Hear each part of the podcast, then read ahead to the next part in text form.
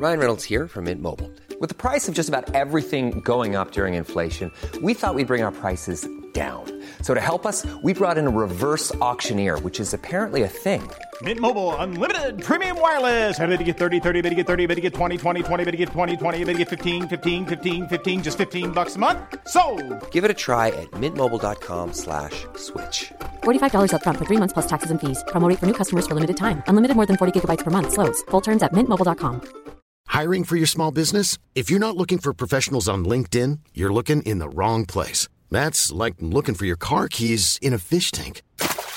LinkedIn helps you hire professionals you can't find anywhere else, even those who aren't actively searching for a new job but might be open to the perfect role. In a given month, over 70% of LinkedIn users don't even visit other leading job sites. So start looking in the right place. With LinkedIn, you can hire professionals like a professional. Post your free job on linkedin.com/people slash people today.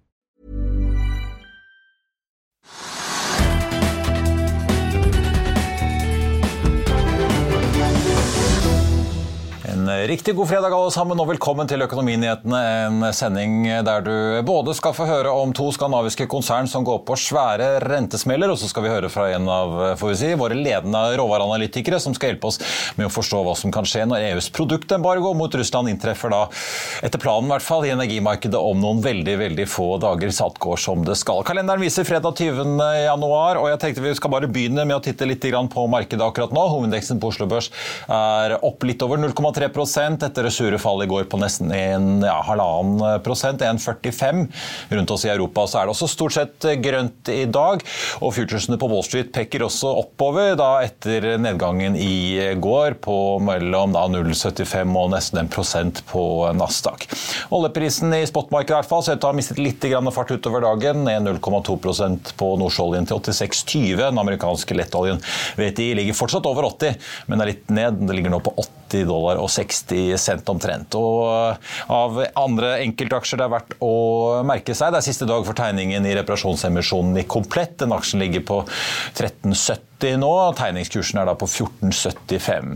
2020 Bulkers går jo x-utbytte på 9 dollar cent i dag, men er opp 50 øre likevel, eller da en halv prosent. Og så har jo da administrerende direktør Lene Johansen i Scandia Green Power valgt å trekke seg på dagen fra sin jobb. Den aksjen er ned 2,5% I Procef og Borr, som har kommet med litt nyheter. I Procef kom jo da oppdateringen for fjerde kvartal. Aksjen stiger en snau halv prosent, mens Borr Dilling, som melder om en ny kontrakt verdt minst 30 millioner dollar dollar i Latin-Amerika, men ikke navngitt kunde. Der er aksjen eh, omtrent uendret i dag.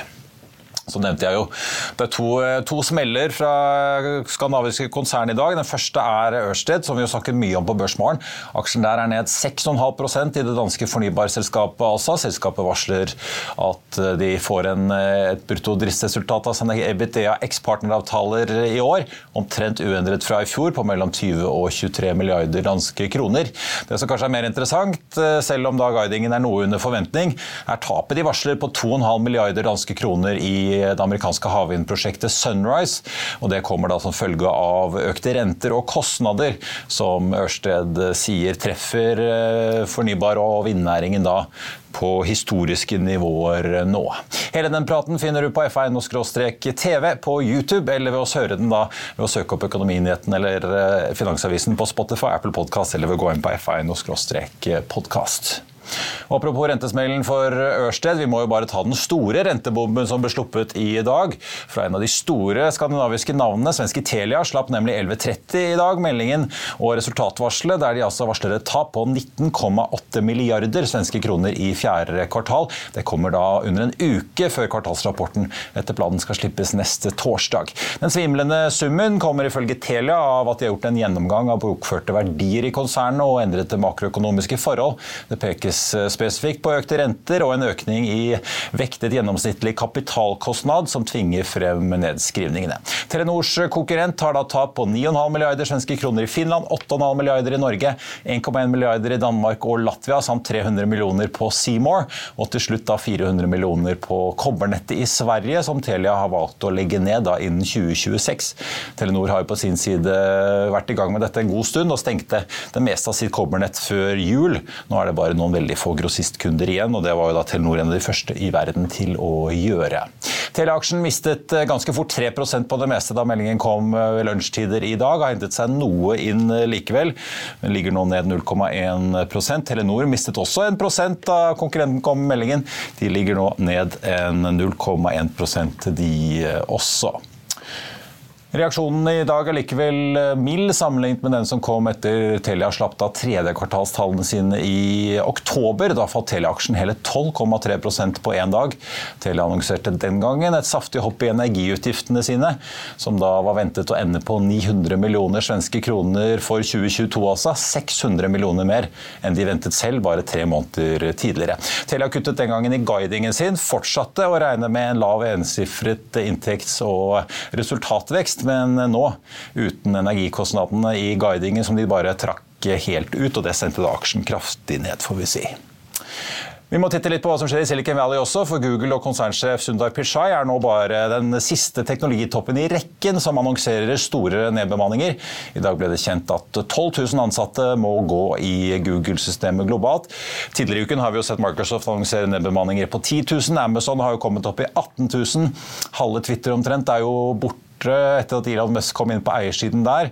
Og selskaper som HP, Snap, Facebook-eier Meta og andre har jo også annonsert eh, store nedbemanninger den siste tiden. Så må vi også innom eh, PCI Biotech kort. Fredag ble det kjent at MP Pensjon og Myrlid har solgt seg ned i det kriserammede selskapet til en eierandel på under 5% Nedsalget skjer etter et kraftig kurshopp, tilsynelatende ut av det blå. for Det har ikke kommet noen meldinger fra selskapet. Det har vært handelspause i aksjen i dag, eh, men den var da opp 6,9% før dette. Og den siste uken har PCI-aksjen klatret rundt 160 da, uten som nevnt da, noen spesifikke nyheter fra selskapet.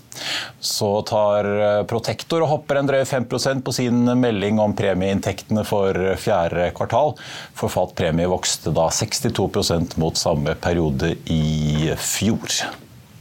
Vi skal ha en kort reklamepause og er straks tilbake med dagens gjest rett etter dette. Vil du bli oppdatert på det viktigste som har skjedd innen finans og næringsliv? Da er det bare å følge med, for hver morgen er jeg, Marius Lorentzen og aksjekommentator Karl Johan Malnes på plass i studio for å ta tempen på dagens marked i Børsmorgen. Og hver ettermiddag oppsummerer vi alt du trenger å vite i økonominyhetene, og det blir selvfølgelig masse interessante gjester. Klikk deg inn på fa.no-tv, eller søk opp Børsmorgen og Økonominyhetene der du hører på podkast.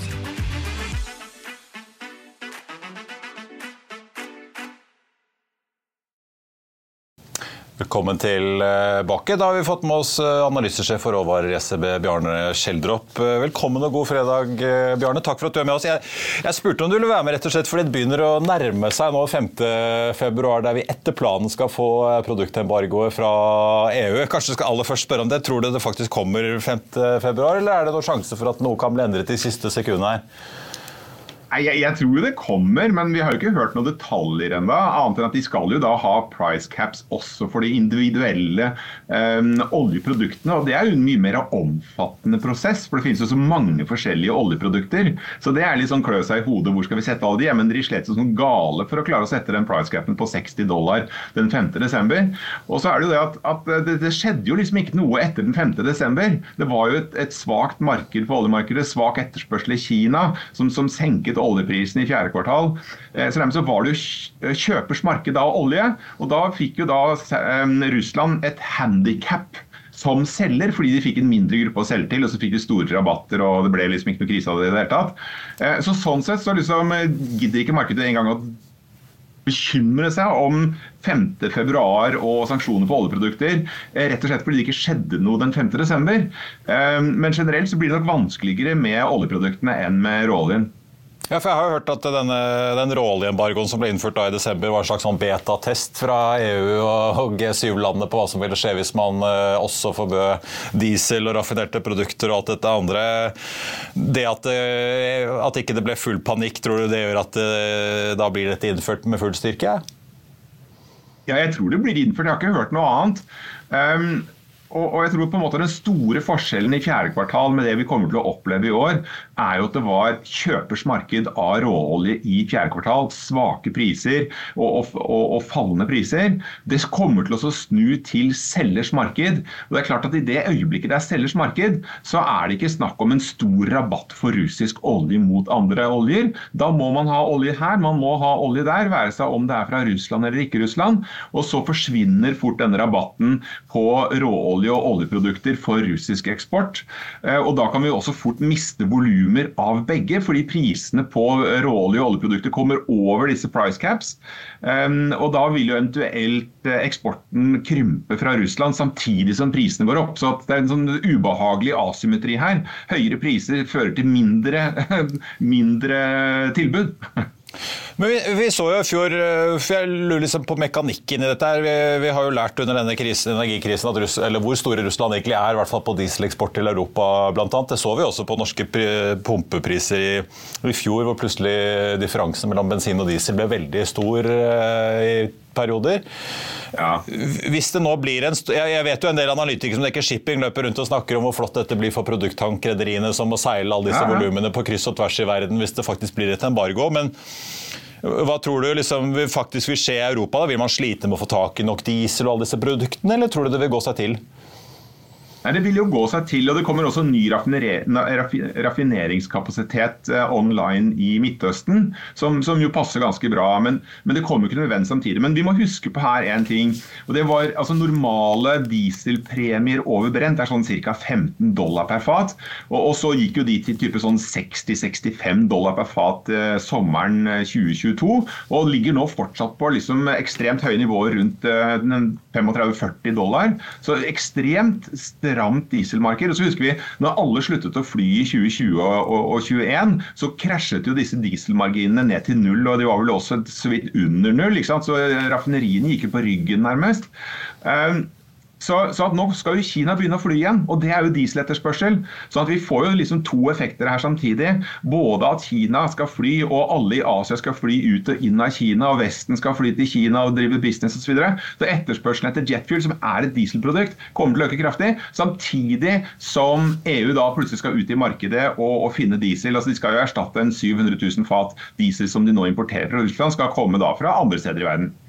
Ja, men du tror, det, du tror, det, vil gå seg til? Det handler egentlig bare om at de som transporterer vil få veldig mye mer å gjøre, da, men det driver kanskje mer opp raten enn det går utover tilgjengeligheten?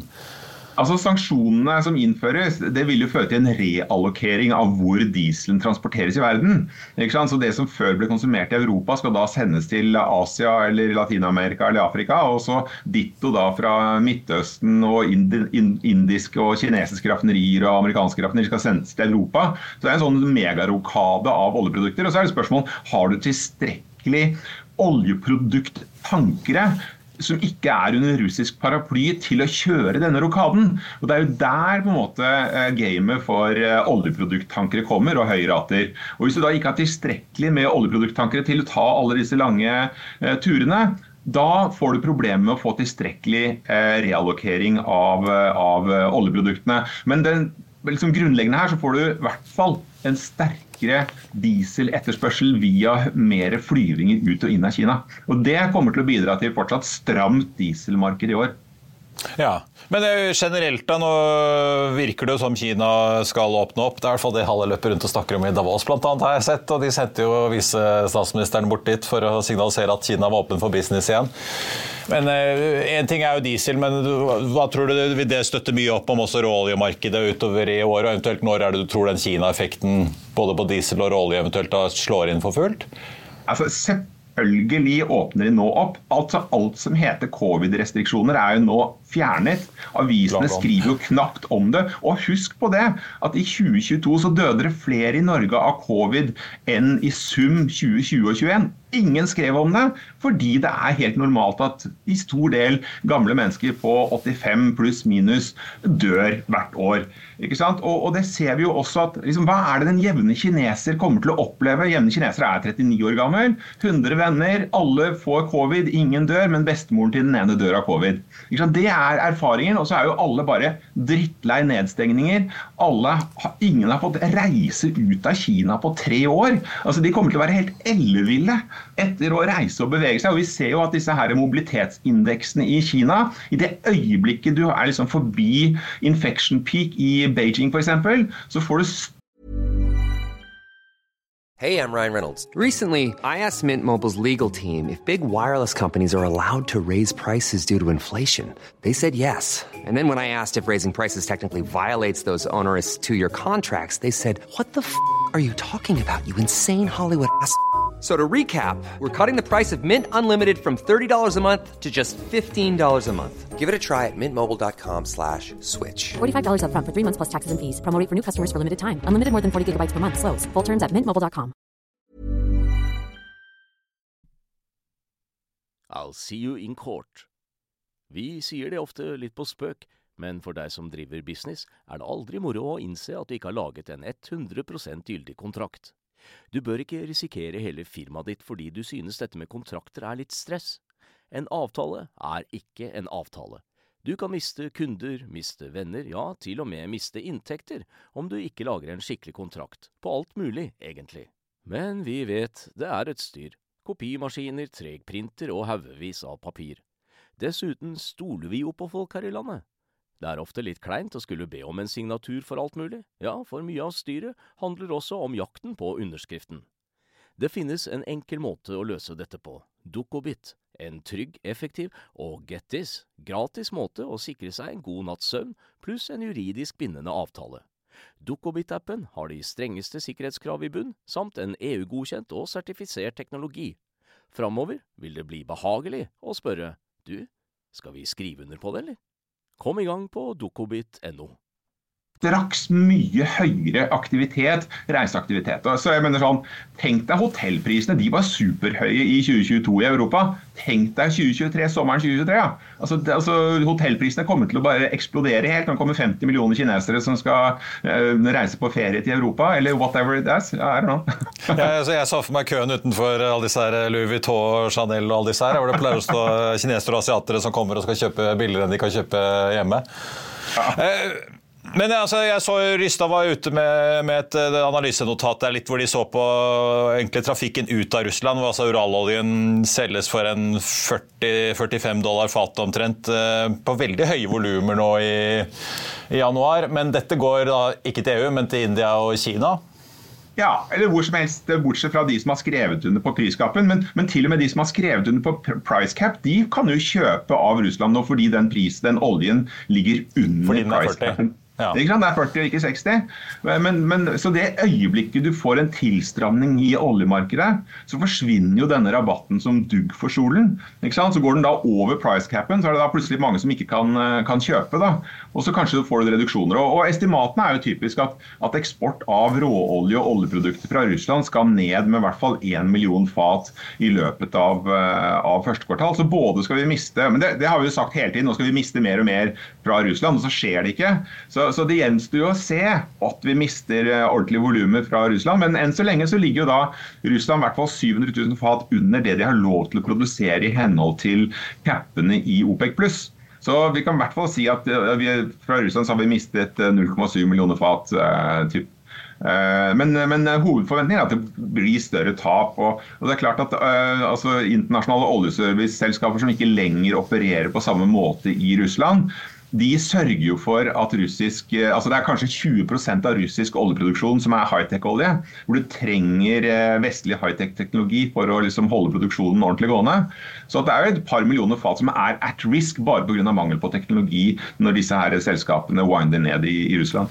Ja, for det jeg skulle til å si, Nå så vi Wintershall Dea får vi si, De var vel omtrent den siste som eh, annonserte at de trekker seg ut av Russland av de vestlige oljeselskapene. Tar et tap på over 5 milliarder ja. euro. Men da er det et par millioner fat der som sånn, i hvert fall litt på mellomlang sikt er i fare for å falle ut fordi de ikke har nok uh, tech og kompetanse. da. Ikke sant, erosjon av produksjonen. da, men De er jo flinke til å bore hull. sånn at liksom sånn, Alt som heter standard olje, det får de jo produsert. Men så er liksom mer den, liksom, de siste 20% med high-tech-olje kan være problematisk. Men hvis vi ser liksom for, for 2023 year on year fra 22, global etterspørsel på tross av liksom alles bekymringer for global økonomi, som fortsatt liksom veier en del ned på, på oljeprisen, så er jo forventningen at oljeetterspørselen skal opp med mellom 1 og 2 millioner fat pga. normalisering etter covid-19. og og, og, Kina som på en måte reconnect med rest of the world. Um, og etterspørselen etter behovet for OPEC-olje også øker. Dette, dette, dette, er jo liksom et strammere marked, og så er det risiko for å tape volumet fra Russland. Og, og, så har jo liksom All makt er jo tilbake i Midtøsten OPEC. Eh, amerikansk skifer er jo nå bare bob-bob-vekst, ikke noe spesiell vekst. Og, og, de kommer ikke til å kjøre den der megaveksten i supply som vi hadde siden 2014. Det er jo history. Og Russland er jo nå liksom sånn semi-håndjern og litt sånn ute av klubben. Og, og, de kommer heller ikke til å ha vekst. Så da er det jo bare Midtøsten igjen. da, Med altså, Midtøsten store OPEC-land, eh, Saudi, Kuwait, EUA. Eh, og, Iran og Irak. ikke sant? Det er de som da skal stå for det, og de har jo da all makt. Det er jo ikke en lavprisperiode, liksom. Nei. Men ser du noe tegn til eh, Det er jo mye diskusjon om hva de, på en måte, de børsnoterte oljeselskapene gjør. Er det tegn til at de ramper opp da aktiviteten og boringen og investeringene sine, eller? Ja, Det gjenstår å se, men, men, fortsatt så ser vi forsiktighet. og, Hvis vi da ser liksom historisk sett, hver gang du har liksom vært nede i en, en, en prisbunn pga. en eller annen slags krise, eller whatever, um, og, og, prisene raser oppover igjen, så i det øyeblikket du kommer til en sånn 60-70 dollar, så ser du ofte, som regel, historisk nesten alltid, at investeringene fra oljeselskapene øker kraftig. I respons til høyere priser den dynamikken har du ikke sett i stor grad i 2022. Ikke sant? Så at um, Oljeselskapene er fortsatt uh, bekymret for hvordan etterspørselen ser ut på 2030-tallet de føler seg fortsatt kjeppjagd av politikere og, og, finansinstitusjoner som ikke har lyst til å låne dem penger. De er ikke elsket. Samtidig så elsker man oljekonsumentene. altså Låne, låne ut penger til et flyselskap eller en, eh, noen som skal kjøre lastebiler og bruke diesel og sånn, det er helt greit. Men å låne penger til, til oljeselskaper det er langt uh, mindre greit. og Da får du en sånn asymmetri som, som favoriserer konsum, men, men, ikke på en måte favoriserer uh, produksjon på samme måten. så at i hovedsak det man ser av, av, av investeringsaktivitet. Det er mer fortsatt liksom marginale investeringene, snarere liksom Greenfield Project, syv år utvikling, produksjon en eller annen gang på starten av 2030. Hvem vet hvordan etterspørsel og priser blir da, med det grønne skiftet, akselererende elbilsalg osv. Så, videre. så det er en, en, betydelig forsiktighet. og, og dette liksom både Nummer én, skifer skal ikke være eksplosiv vekst neste fem og ti og, og, og 20 årene. Ganske sikkert. Og, og, og nummer to, på hvilken pris er det Eh, de globale oljeselskapene tenker at nå er det greit å investere mer. Før så var den kanskje 60-70. Nå er den antageligvis denne her eh, prispunktet løftet til 80-90-100. Så du får en langt større forsiktighet og en høyere pris for å klare å overbevise oljeselskapene til at ok, greit, jeg investerer. Og de må, det, ja, de må kanskje si at det varer mer over tid. Ja. Det også. Så det er et helt annet oljemarked vi kommer til å ha de kommende årene. Til slutt, Bjarne, Det er jo relativt fortsatt da, over 80 dollar fatet, relativt gode tider. og Det er jo fortsatt også gode tider, i hvert fall i Europa, på gass, selv om gassprisene har kommet mye ned. I USA ser vi at det virker som det er særlig LNG-anlegget i Freeport i Texas som er den store proppen som gjør at det flommer over av gass. og De klarer ikke å få fraktet til andre steder om dagen. Så det er ganske lave, relativt i hvert fall lavere gasspriser i USA eh, også. Så får vi se når Freeport eh, er tilbake i drift etter brannen.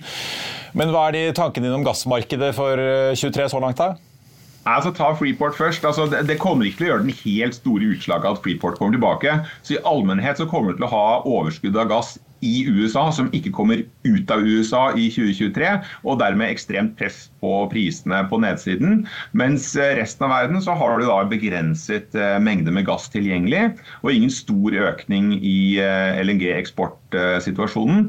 Så, så, hva vet vi om, om situasjonen?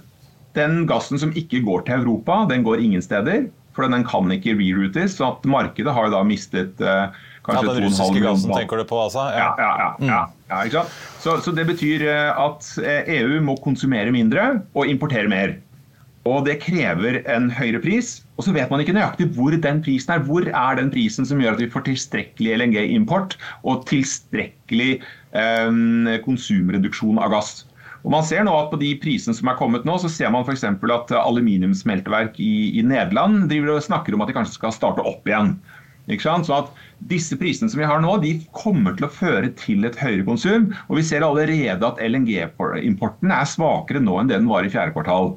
Så at disse prisene gjør nok at, uh, at vi får en, en, en, mer balansert marked. Men så vet vi ikke akkurat hvor de prisene er. men men vi har jo et target uh, for øyeblikket på ca. 100 euro per megawattime, og nå er jo siste pris er ca. 60. Um, så det er mulig at 100 er noe høyt. Uh, men jeg tror ikke vi skal, vi skal ikke ligge under 50 euro per megawattime hvis vi skal ha tilstrekkelig reduksjon i etterspørsel og tilstrekkelig eh, LNG-import. Så at, eh, ja, og friste kubikkmeter inn til Europa ja, med skip? Ja, vi må jo ha det inn. Så Vi må jo overbevise eh, Asia også om at liksom, de ikke skal ta det. Hvis prisene er for lave, så vil Asia ha det selv. Så Vi må opp på et nivå hvor Asia sier fine, jeg brenner heller kull, du kan få gassen. Det, så at uh, Du skal nok ha, ha priser uh, vi er nok nede på de nedre nivåene her nå, sånn 50-60. Det skal ikke noe særlig under det, men kan godt gå under det i kortebildet. Det kan det. Så blir det spennende å se hvordan lagerfyllingen til sommeren for neste vinter går nede på kontinentet. Det går bra. Det er ikke noe problem. Vi har ni måneder på oss å fylle lagrene tilstrekkelig etter ønske. Og prisen kan korrigere uke etter uke og sørge for at vi akkurat får tilstrekkelig etterspørsel og import til at det går kjempefint neste år. Risikoen for å få for lite gass neste vinter er null. Det er i hvert fall betryggende å høre, selv om det kanskje ikke blir den billigste fyllingen vi har gjort sånn historisk sett. Ja, vi må betale for det. ja. If the price is right, som amerikanerne pleier å si. Bjarne Schjelderup i SEB, tusen takk skal du ha, og riktig god helg. På tappen av sendingen så tenkte jeg bare vi skal ta en titt på noen av de aksjene hvor det har vært litt uh, oppdateringer fra analytikerhold i det siste. Carnegie har vært ute og kuttet kursmålet da på Kahoot. Helæring og spillselskapet da fra 19 til 17 kroner opprettholder holdeanbefalingen.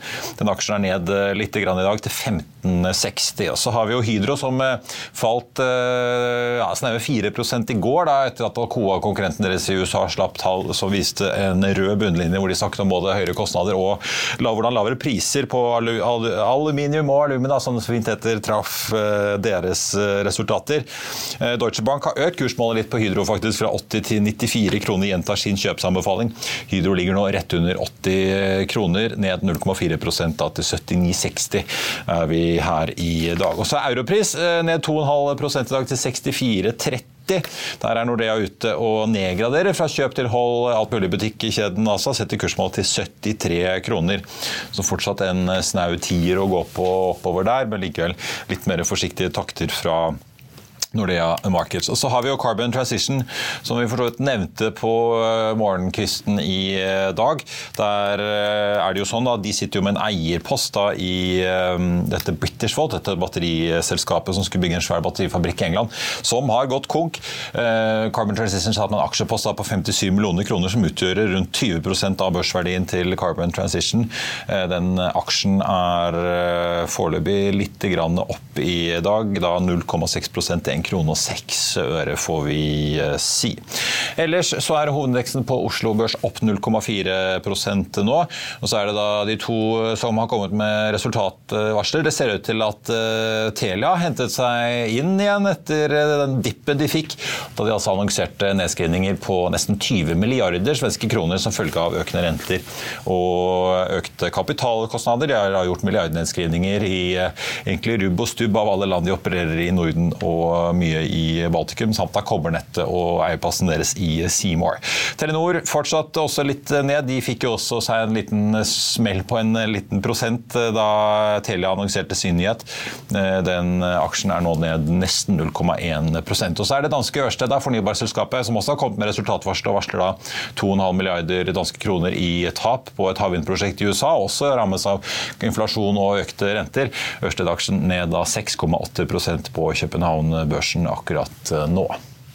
Det er jo resultatsesong for fullt, og i USA så har da SLB, tidligere kjent som Schlumberger, oljeservicekonsernet, annonsert sine tall for fjerde kvartal. De fikk et justert resultat per aksje på 71 dollar cent per aksje. Det er da opp 13% fra forrige kvartal og opp 73 da fra samme periode året før.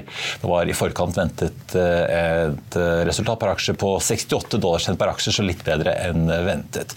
Inntektene endte på 7,9 milliarder dollar i kvartalet. Det er da opp 5 fra kvartalet før og opp 27 fra året før. Ventet da 7,8 milliarder dollar, så også det litt bedre enn ventet. I Finansavisen i morgen på lørdag så kan du lese, i tillegg til Trygves Hegnars leder, så kan du lese om eh, hva både økonomer og eiendomstopper sa da de møttes på eiendomstreffet på Norefjell. Du kan lese om hvilke selskaper som kan finne veien til børs i 2023. Du kan lese om DNO som har eh, gått på et tap og et nederlag i rettssalen. Og så blir det profilintervju med Grunde Eriksen samt da masse bil, vin og helgestoff. Og Det var det vi hadde for deg på denne fredagen. Husk at, eh, nei, si, Tusen takk for at du så på. Vi er tilbake igjen på mandag.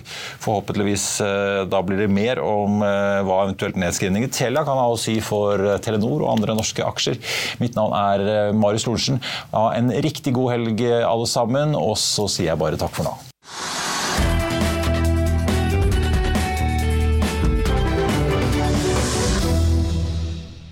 Økonominyhetene er en podkast fra Finansavisen. Programledere er Marius Lorentzen, Stein Ove Haugen og Benedikte Storm Bamvik. Produsenter er Lars Brenden Skram og Bashar Johar. Og ansvarlig redaktør er Trygve Hegnar.